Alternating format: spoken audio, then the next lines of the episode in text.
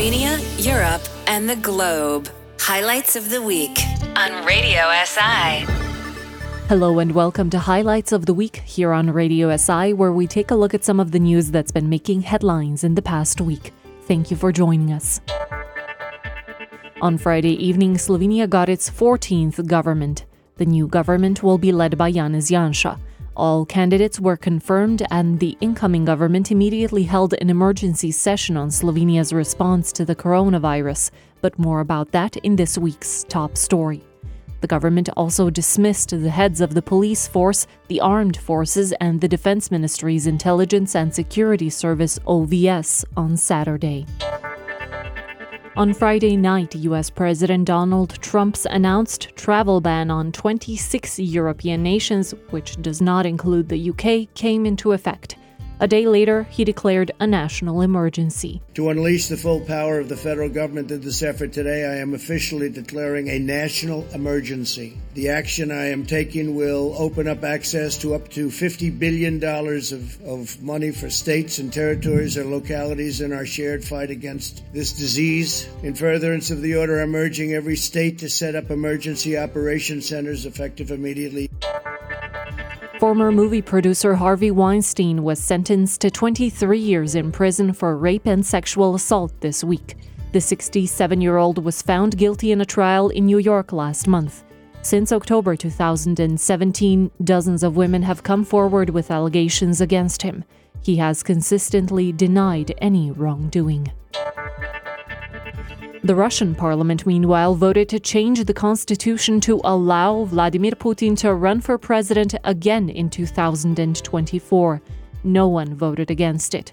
The current constitution would not allow it. Putin has essentially led Russia since 1999. If the changes are accepted, he could stay in office until 2036. With all the bad news, the past week was still a pretty good one for Slovenian ski jumpers. Last Saturday, they took third place at the Ski Jumping World Cup team event in Oslo, finishing behind Norway and Germany. This was their third consecutive podium finish. On Monday, Peter Prevc won a World Cup competition in Norway's Lillehammer, his 23rd victory. Yeah, today's competition was pretty difficult. The conditions were changeable. I think that might have worked to my advantage.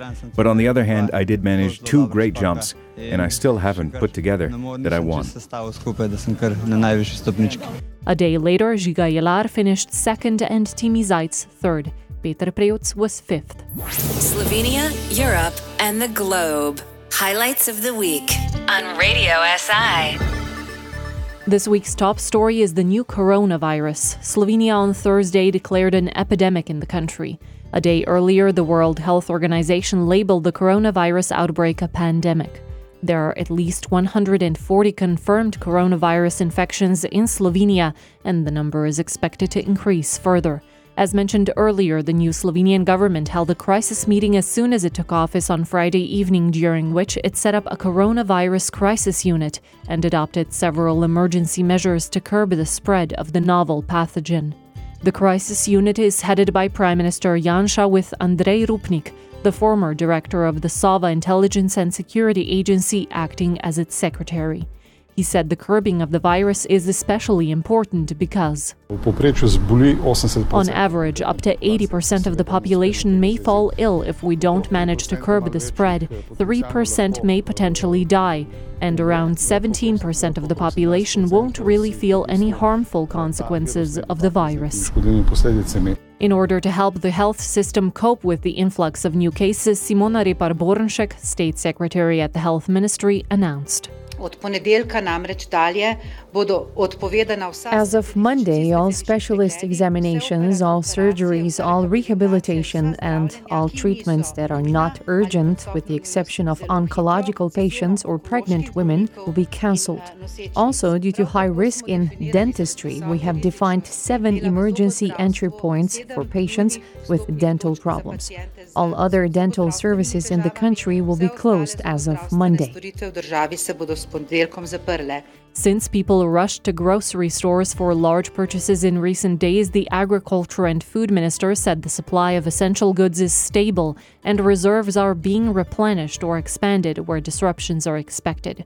She said Slovenia's reserves secured supply with basic necessities for three months and that they were currently being replenished and expanded. Public transportation in urban areas in Slovenia will be scaled back in the coming days. Starting Saturday, front doors of buses were closed and passengers were allowed to board through all other doors. Public buses in Ljubljana will switch to the reduced summer schedule on Monday.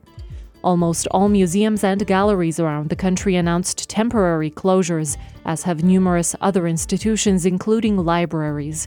Major sporting events have also been cancelled. All universities, schools, and kindergartens in Slovenia will be closed as of Monday as well. Nina Pirnat from the National Institute of Public Health, however, warned. We have to realize that young people will still meet up, so we appeal on all parents to follow these instructions consistently so that young people who will now not go to school or classes won't now meet up in bars or the like. Even when we're outside, let me again warn you that it's really important to keep our distance from other people. Slovenia also closed all but six road links with Italy. Slovenia also started restricting trucks, trains, and buses at the Slovenian Italian border. These will only be allowed to bring in medicine, mail, and humanitarian aid, as well as cargo whose destination is Slovenia. Transit traffic to Croatia and Hungary will be stopped. The state secretary at the health ministry also added that all these measures to effectively bring the country to a stop for the next two weeks are in place in order to. It is an attempt to not put the health system under the greatest strain possible.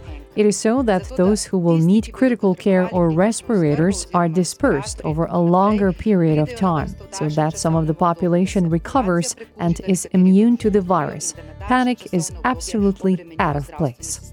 Panika absolutno ni na mestu. In recent days, false information on how to deal with an infection or cure it with alternative medicine has started circulating, which is why Pirnat appealed on the public. Several unconfirmed claims are currently circulating among the public, so please check the web pages of the National Institute, the Health Ministry, and other official health institutions, which are these days really putting in the effort to communicate with you. If you have any questions concerning the new virus, you can call the free coronavirus hotline at 080 1404, available every day between 8 a.m. and 8 p.m. This does it for this week's edition of Highlights of the Week. Tune in again next week, same time, same place. Take care. The most important news from Slovenia, Europe, and around the globe. Highlights of the Week. Saturdays at 225 on Radio SI.